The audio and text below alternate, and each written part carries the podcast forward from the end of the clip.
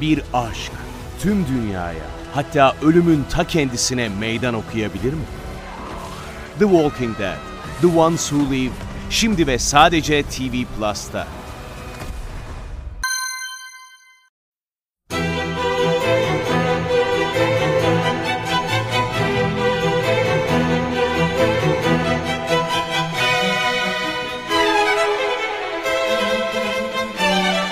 Herkese merhaba, Sinematris'te Görkem Öge ile birliktesiniz. Bu hafta biraz gündeme bakacağız. İki tane gündemde olan, şu an gösterimde olan filmden size bahsetmeye çalışacağım.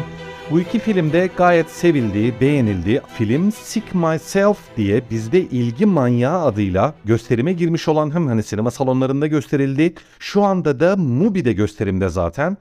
Kuzeyden gelen bir film ve bayağı sanat filmi dediğimiz filmlerin içerisinde bulunan bir film böyle. Çok entelektüellere böyle çok felsefi, çok sanatsal böyle sinemaya yaklaşan kişileri can damarından yakalayacak bir film tam. Bir de o şu an zaten gösterimde ve merakla da beklediğimiz bir filmdi. 2023'ün önem atfettiğimiz filmlerinden bir tanesiydi. Scream 6, Çığlık 6 filminden bahsedeceğim. E, bu arada hani gündemde bazı sinema haberleri falan var ama bu filmlerin biraz derinine inmeye çalışacağım için e, uzunca bir program olabilir diye düşündüm. Onun için çok fazla hadi gündem haberlerine girmeyeyim. Direkt filmlerden bahsetmeye çalışayım dedim. Şimdi konu edeceğim ilk film bu ilgi manyağı. Gerçekten manyak bir film diyebiliriz aslında. Kendi içindeki manyaklığını karakterine ya da yaklaşım biçimine ve hatta bizlere doğru kelime nedir? Sıçratma diyeyim aslında. Hani sunma falan demeyeceğim. Sıçratmaya çalışan bir film insanın ne kadar iğrenç bir varlık, ne kadar iğrenç bir yaratık olduğunu hem iddia eden hem de göstermeye çalışan filmler imparatorluğu orası.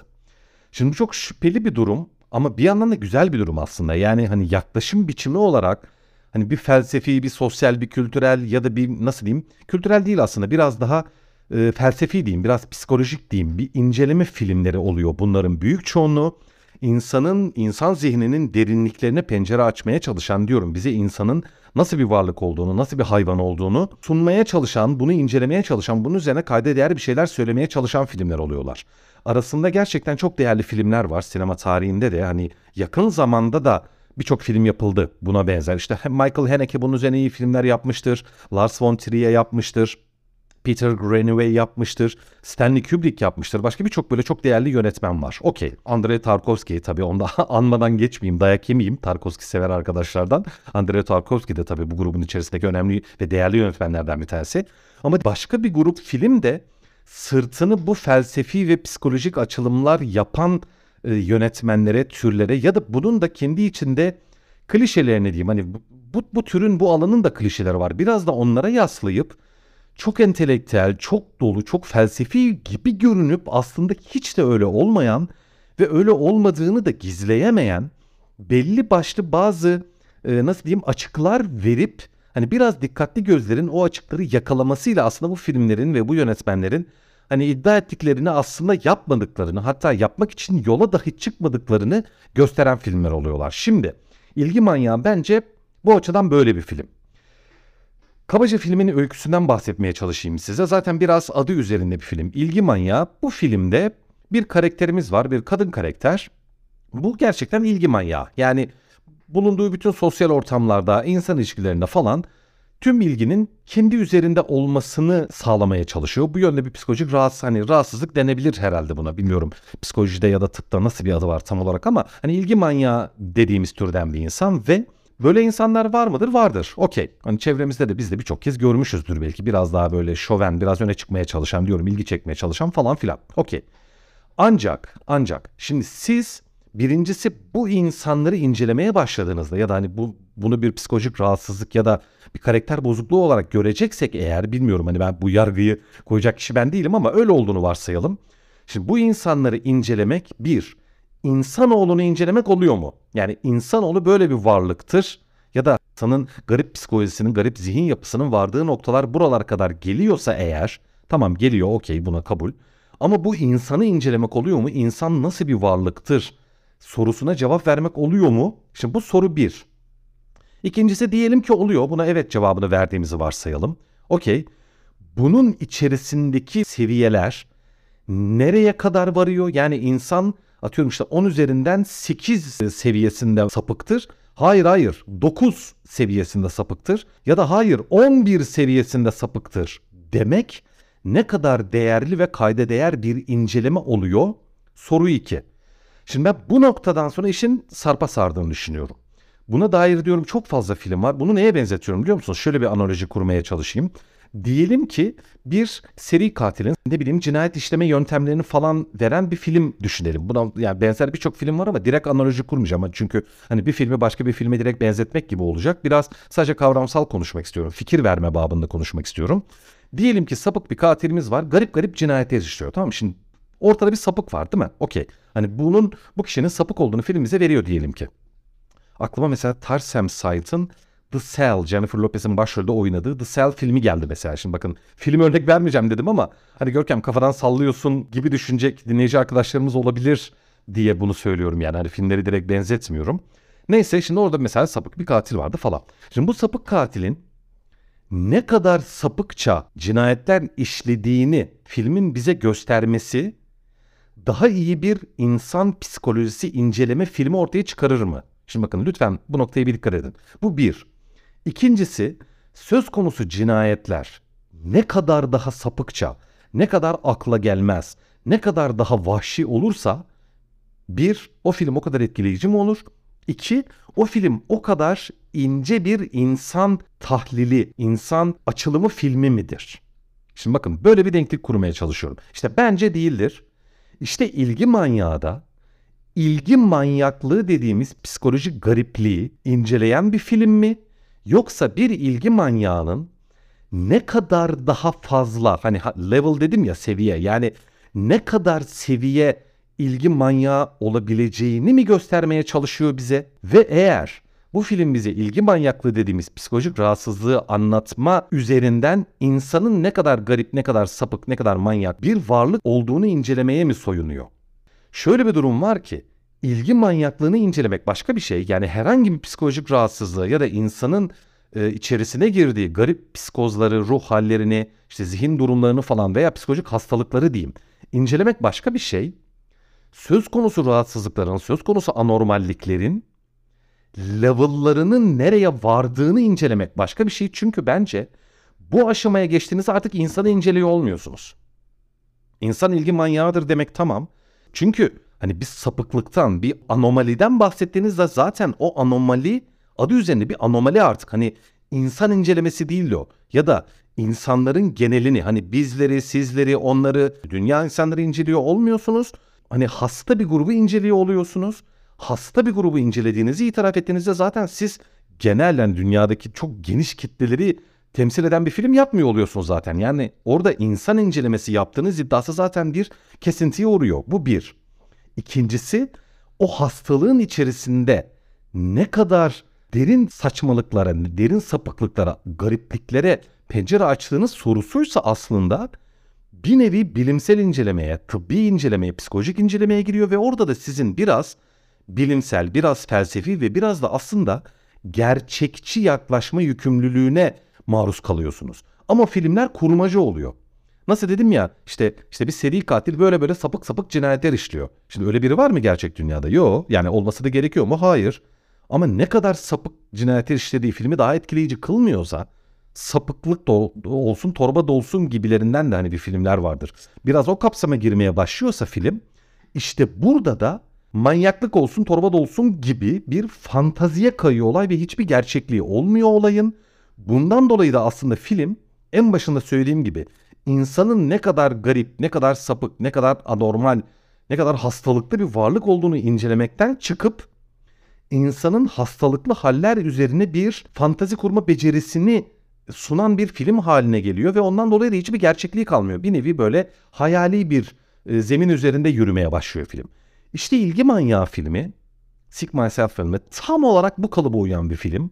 Filme herkes gebermiş, bayılmış. Yani filmin IMDb'deki eleştirmen notu 80, işte izleyici notu 7.2 falan. Şimdi bu kadar insan bayıldı da bir ben miyim akıllı görkem olarak hani diyorum işte herkes yanılıyor bence bu film çok kötü mü diyorum. Hayır tabii ki böyle bir hani kibre giremem kendimi o konumda görmem mümkün değil ama şunu söylemeye çalışıyorum. Bu filmler aslında insanı incelemiyor. Arada bir kopukluk var, arada bir boşluk var diyorum isimler verdim ya birkaç tane işte Michael Haneke, Andrea Tarkovsky diyorum Peter Greenaway, Lars von Trier falan.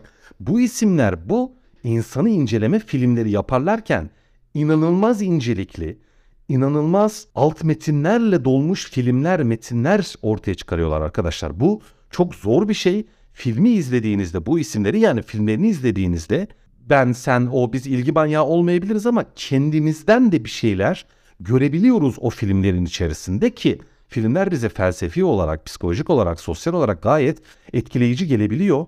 İşte bu filmde ilgi manyağı filmde ve benzer bazı yalan entelektüel filmlerde bana göre ben öyle görüyorum bu filmleri. Kendimizden bir şeyler bulamıyoruz. Çünkü dediğim gibi filmler ilgi manyaklığını ya da konu edindiği psikolojik rahatsızlığı değil, o rahatsızlığın içerisinde bulunan kişilerin hangi seviyelerde sapıklaştığının resimlerini gösteriyorlar bize. Ben hani öyle bir bağlantı kuramıyorum. Mesela bu filmde ilgi manyağı bir kadın karakter var ki bence hani karakter çok güzel çizilmiş. İşte oyunculuğu, hali, tavrı falan filan çok güzel. Güzel bir karakter. Ama ilgi manyağı ve çevresinden yeterince ilgi çekemiyor falan. Hani bir boşluğa düşüyor böyle. Yani daha çok ilgi çekmem lazım. Ne yapmam lazım? Yasal olarak e, üzerine deneyler yapılıp yasaklanmış çok korkutucu, ürkütücü yan etkileri olan bir ilacı bilinçli olarak alıp kendisini hasta ediyor bu karakter ve bunun üzerinden insanların ilgisini çekmeye çalışıyor. Şimdi bakar mısınız bu nasıl diyeyim ne kadar ikna edici ne hani bir insan ilgi manyaklığı olan bir insan gerçekten böyle bir şey yapar mı yapmaz mı? Şimdi film belgesel mi? Değil. Bir kurmaca. Yani aslında bu bir az önce belirtmeye çalıştığım gibi bir fantazi. Yönetmen ve yazar bize diyor ki insan ilgi manyaklığı hani ilgi manyaklığı rahatsızlığına düşebilmiş insanlar böyle bir şey yapabilir. Yapmış bir örnek var mı? Yok. Yapabilir diyor. Peki diyelim ki yapabilir. Diyelim ki biz bunu kabul edelim. Ben görkem olarak diyelim ki belli bir hani hepimizin vardır. Benim de hem atıyorum karakter olarak, kişilik olarak ya da yaptığım iş olarak bir sinema konuşmacısı ya da sinema yazarı olarak belli bir ilgi çekme eğilimim olduğunu varsayalım. Normaldir bu olabilir okey. Bu hangi seviyeden sonra hastalık olur? Ya da ben ilgi çekme ihtiyacımı, eğilimimi karşılamak için ne tür saçmalıklara, sapıklıklara başvurabilirim?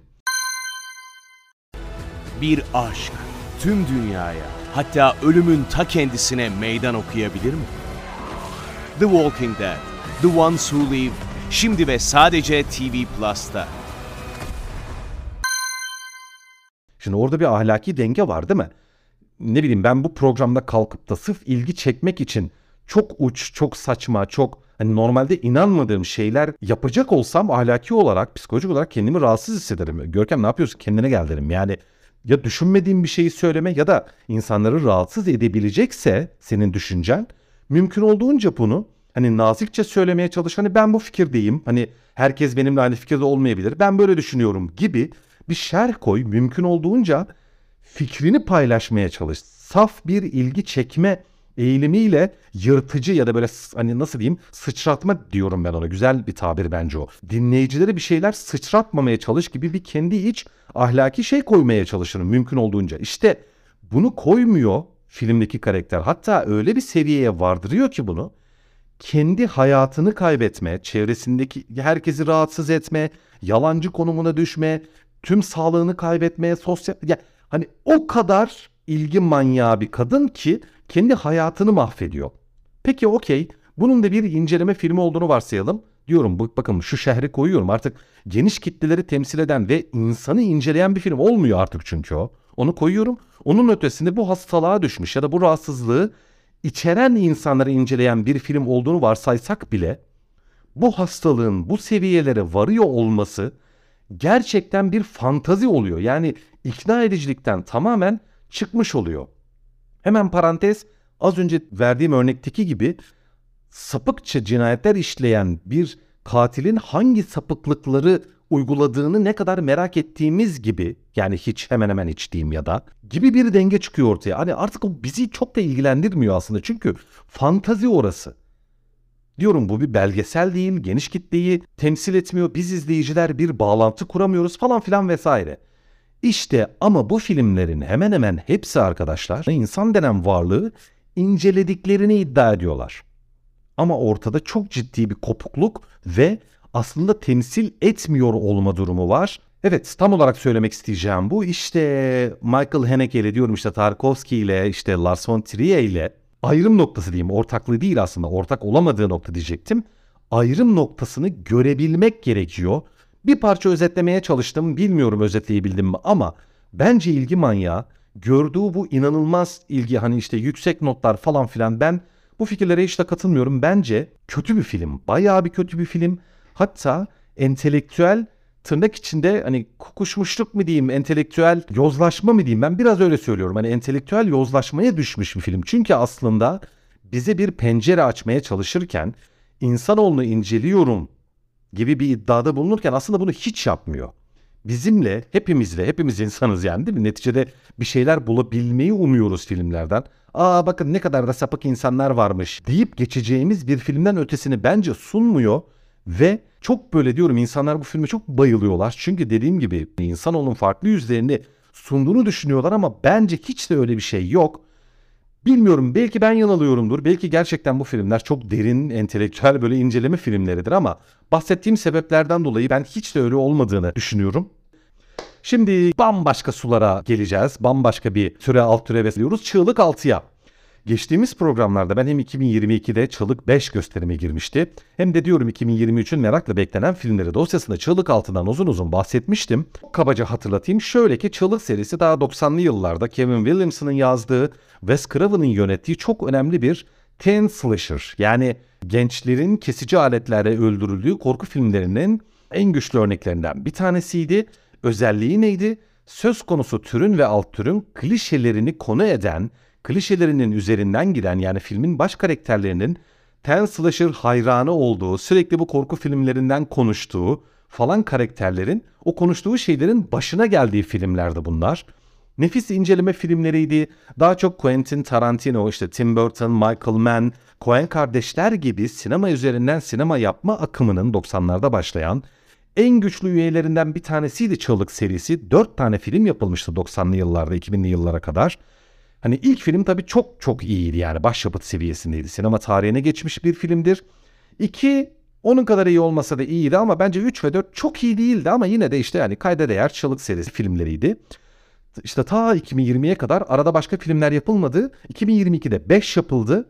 Hem kendi efsanesine yani hem hani Scream serisine hem Wes Craven'a hem de bu türe gerçekten yeni bir soluk getiren hem türü hem de e, öncüsü olan filmleri nefis biçimde taşıyan, sırtlayan, onların tüm numaralarını gayet başarılı biçimde günümüze yansıtan bir filmdi bence Scream 5.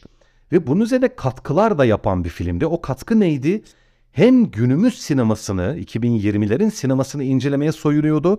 Hem de direkt olarak kendisini yani kendisinden bahsediyordu. Bizim içerisinde bulunduğumuz şey bir film diyordu ve bu filmde klişeler göre yüksek olasılıkla şunlar şunlar olacak diyordu. Bakın bu Wes Craven'ın 90'larda yaptığı şeyi bir adım ileriye taşımaktı. Yani sadece türü incelemiyordu, kendisini bile inceliyordu film.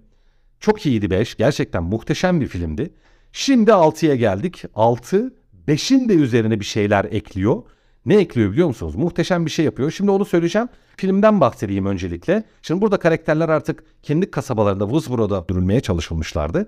Bu kardeşle e, bu abla ve en yakın iki tane dostu artık New York'a taşınıyorlar. Yani oradan kaçıyorlar. Bizi burada öldürecekler falan. Hadi biz kaçalım. New York'ta yeni bir hayat kuruyorlar ve orada tekrar cinayetler işlenmeye başlıyor.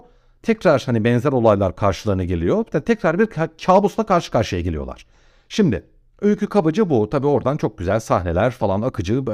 Gayet iyi bir film karşımızda. Şimdi iki şey dedim ya bunlar ne? Birincisi bu filmlerin klişelerini hem konuşuyorlar tabii aynı zamanda söylüyorlar işte sen şuradan geldin işte katil olmaya çok müsaitsin. Seninle sadece 6 aydır tanışıyoruz katil sen olabilirsin. İşte ben baş karakterim bütün olaylar beni çok kötü yönde etkilemiş olabilir ve ben katile dönüşmüş olabilirim falan böyle bayağı kendilerini hani ne kadar katil olabilir ne kadar olmayabilir falan diye konuşuyorlar böyle. Çünkü kampa gidip ölen gençler bir alt türü vardır hani bunun dost alt türüdür diyebiliriz. Orada hani dışarıdan bir etki gelip bu grubu dağıtıyordu. Scream serisindeki fark neydi? Ekibin içinden birileri cinayet işliyordu. O çok güzel bir hamleydi. Burada da aynı şey var. İşte karakterler de kendi içinde konuşuyorlar yani. Sen de olabilirsin, ben de olabilirim falan filan okey. Bu bir. Bunu yapıyordu. Peki bu film bak bir türlü getiremiyorum pardon kusura bakmayın. İki tane yenilik yapıyor dedim. Birincisi eski filmlerle yeni filmler arasında bağlantı kurarken e, artık devam filmi yapılamaz. Yani onun modası geçti. Nasıl diyeyim efsaneyi sürdüren yeni nesil filmler yapılması lazım. Bunun kuralları ne? Bunu yazıyor. Ve ne diyor biliyor musunuz? Artık baş karakter ölmeli diyor. O yüzden sen öleceksin diyor arkadaşı. Bizim baş karakteri bunu diyor ya. Düşünebiliyor musunuz? Bakın hani film hani biz filmi ne diye izliyoruz? Hani o baş iki karakter ablayla kız kardeş. Hani ölecekler mi işte başaracaklar mı katili öldürecekler mi ne olacak yani onu biz izliyoruz. Arkadaşları ona diyor ki sen diyor yeni nesil 2020'lerin artık devam filmi olamayan devam filmlerinin baş karakterisin ve sen ölmek zorundasın. Ve baş karakterlerin öldüğü filmlerden örnek veriyor. Nasıl? İşte Luke Skywalker öldü diyor. James Bond öldü diyor. Neo Matrix'te öldü diyor. Bak baş karakter öldü artık diyor. O yüzden senin de ölmen lazım. Şimdi bakın e, sinema üzerinden sinema yapma akımının son noktasını o kadar güzel temsil ediyor ki film. Gerçekten 2020'lerin klişeleriyle oynuyor film. Şimdi bakın bu çok güzel. Gerçekten çok güzel ki Scream 5'te de aynı şeyi yapmıştı. Bunu ben de konu etmiştim. Oradaki ayrıcalık neydi? Sinema tarihinde de bu bir ayrıcalık yani. 2020'lere ait bir ayrıcalık. Bu ne biliyor musunuz? Ee, öncü filmlerden 20 yıl sonra yeni filmler yapıldı. Terminator yapıldı. E, Matrix yapıldı. Star Wars yapıldı. Star Trek yapıldı. Bu bir. İki, eski filmlerin efsane baş karakterleri yeni filmlerde birer efsane olarak geri dönüp yeni baş karakterlere yardımcı oldular. Bakın Han Solo tekrar çıktı Star Wars'ta mesela. İşte Terminator'de ta eski Sarah yeni karakterlerin yanına geldi. Anlatabiliyor? Bakın bunlar yeni. Sinema tarihinde böyle bir şey yoktu. İşte Scream 5'te de ta 90'lardaki Scream'in baş karakterleri gelip yeni karakterlere bir nevi abilik, ablalık, falan hocalık yaptılar. Bu çok güzel bir hamleydi. Sinema tarihinde böyle bir örnek yok başka. Bu döneme ait bir şey. İşte burada da aynı şey var ve diyor ki senin ölmen lazım artık. Bu filmde öleceksin sen diyor. İşte bu harikaydı bakın bu çok iyi bir hamle. Hani filmdeki gerilimi bir üst seviyeye taşıyor. İkincisi de şu. Bu filmlerde bazı güvenilir alanlar vardır. Neresi biliyor musunuz? İki tane. Temel olarak iki tane. Birincisi kalabalık ortamlar. Yani bir partinin içerisinde insanlardan ayrılmayacaksın. Yani bodrum kata gitmeyeceksin. Mesela klasik şey vardır bu. Bütün Scream filmlerinde bu replik vardır. Hemen döneceğim dersen dönemezsin. Ölürsün ve bunun şakasını da yapıyorlar. Ben hemen geliyorum duruyor ha falan diye gülüyor böyle. Çok güzel yani o. İkincisi ev. Evin içeri yuvan yani kendi odan. Kendi evin içerisinde kapıyı pencereyi her tarafı kilitlersin. Orası senin koruma alanıdır abi. Kolay kolay bir şey olmaz. Ha, bir partiye gidip de bodrum kata inersen ölürsün. Yapacak bir şey yok. Veya bir parkta seni enseleyebilir katil yani. İşte bu film bu iki klişeyi de yıkıyor arkadaşlar ve muhteşem sahnelerle. Katil grubun içerisinden çıkıyor dedim ya Scream serisinde farklı olarak. Katil evin içinden çıkıyor. Düşünebiliyor musunuz? Bakın ya inanılmaz bir hamle. Yani tedirgin ediciliği çok yukarıya taşıyan bir hamle. Gerçekten çok iyi. Ve iki, filmde karakterler kalabalık yerlere kaçıyorlar. iki ayrı sahnede ve o kalabalık yerlerde de öldürülüyorlar. O kadar güzel, o kadar tedirgin edici ki. Yani film işte tüm o sinema klişeleri, türün klişeleri, günümüz filmlerini inceleme vesaire vesaire. Bu güzellikleri yaparken nefis de bir gerilim atmosferi kuruyor. Filmde bir tren sahnesi var arkadaşlar. Tren sahnesi. Ya inanılmaz iyi ya. Bence sinema tarihine geçecek seviyede upuzun da bir sahne. Ya inanamadım ya. Dakikalar süren sahnede böyle be, yani gerilim sahneleri kısa sürer değil mi? Yani böyle çok uzun sürmez. Çok uzun sürerse ne olur? O gerilim hani biraz düşer artık. Hani sabredemezsiniz. Bir an gerilim yaşadınız. Yükseldi, yükseldi, yükseldi. Patlaması lazım değil mi noktada? O devam edemez. O tren sahnesi dakikalar sürüyor ve ya böyle terledim resmen sinema salonunda. Hadi arkadaş artık ne olacaksa olsun dedim gerçekten. Nefis sahneler var. Film çok da iyi bir gerilim kurucu film olarak karşımıza geliyor. Çok güzel karakterler var. Eski karakterler de devam ediyor. Yeni karakterler de var. Yani diyorum Çığlık Altı 5 ile birlikte tam da birbirine zaten çok entegre filmler. Bence çok iyi arkadaşlar. Gerçekten çok iyi. Şimdi e, sosyal medyada bu film üzerine kötü bir sürü şey söyleyen oldu. Ya bence iyi değil, çok kötü falan filan. Hiçbir şekilde bu fikirlere katılmıyorum. Bence çok iyi ve filmin şeyi de yüksek zaten. IMDb notları iyi, Critical notu iyi, Rotten Tomatoes notu iyi falan. Hani ben gönül rahatlığıyla tavsiye ediyorum. Diyorum türü pek sevmiyorsanız yapacak bir şey yok. Hani bu türün örneklerine eğiliminiz yoktur. Beğenmiyorsunuzdur. Okey ona bir şey demiyorum ama biraz olsun korku filmlerini seviyorsanız, biraz olsun gerilim filmlerini seviyorsanız ve günümüz sineması üzerine ve bu tür ve alt tür üzerine böyle inceleme yapan, oyunbazlıklar yapan falan filmlere yani kabaca Scream formülüne diyeyim. Biraz olsun ilginiz varsa ben filme bayılacağınızı düşünüyorum. Geniş kitle bayılmış durumda. Sevmeyenlerin de artık tabii kendi zevkidir, kendi bakışıdır. Bir şey söylemeye gerek yok. Diyorum ben gönül rahatlığıyla tavsiye ediyorum. Çok iyi bir film olduğunu düşünüyorum. Evet bu hafta böyle gündemdeki iki filmden size böyle çok farklı kulvarlardaki, farklı uçlardaki iki filmden bahsetmeye çalıştım. Bu haftalık bu kadar. Önümüzdeki hafta tekrar görüşmek üzere. Teşekkürler.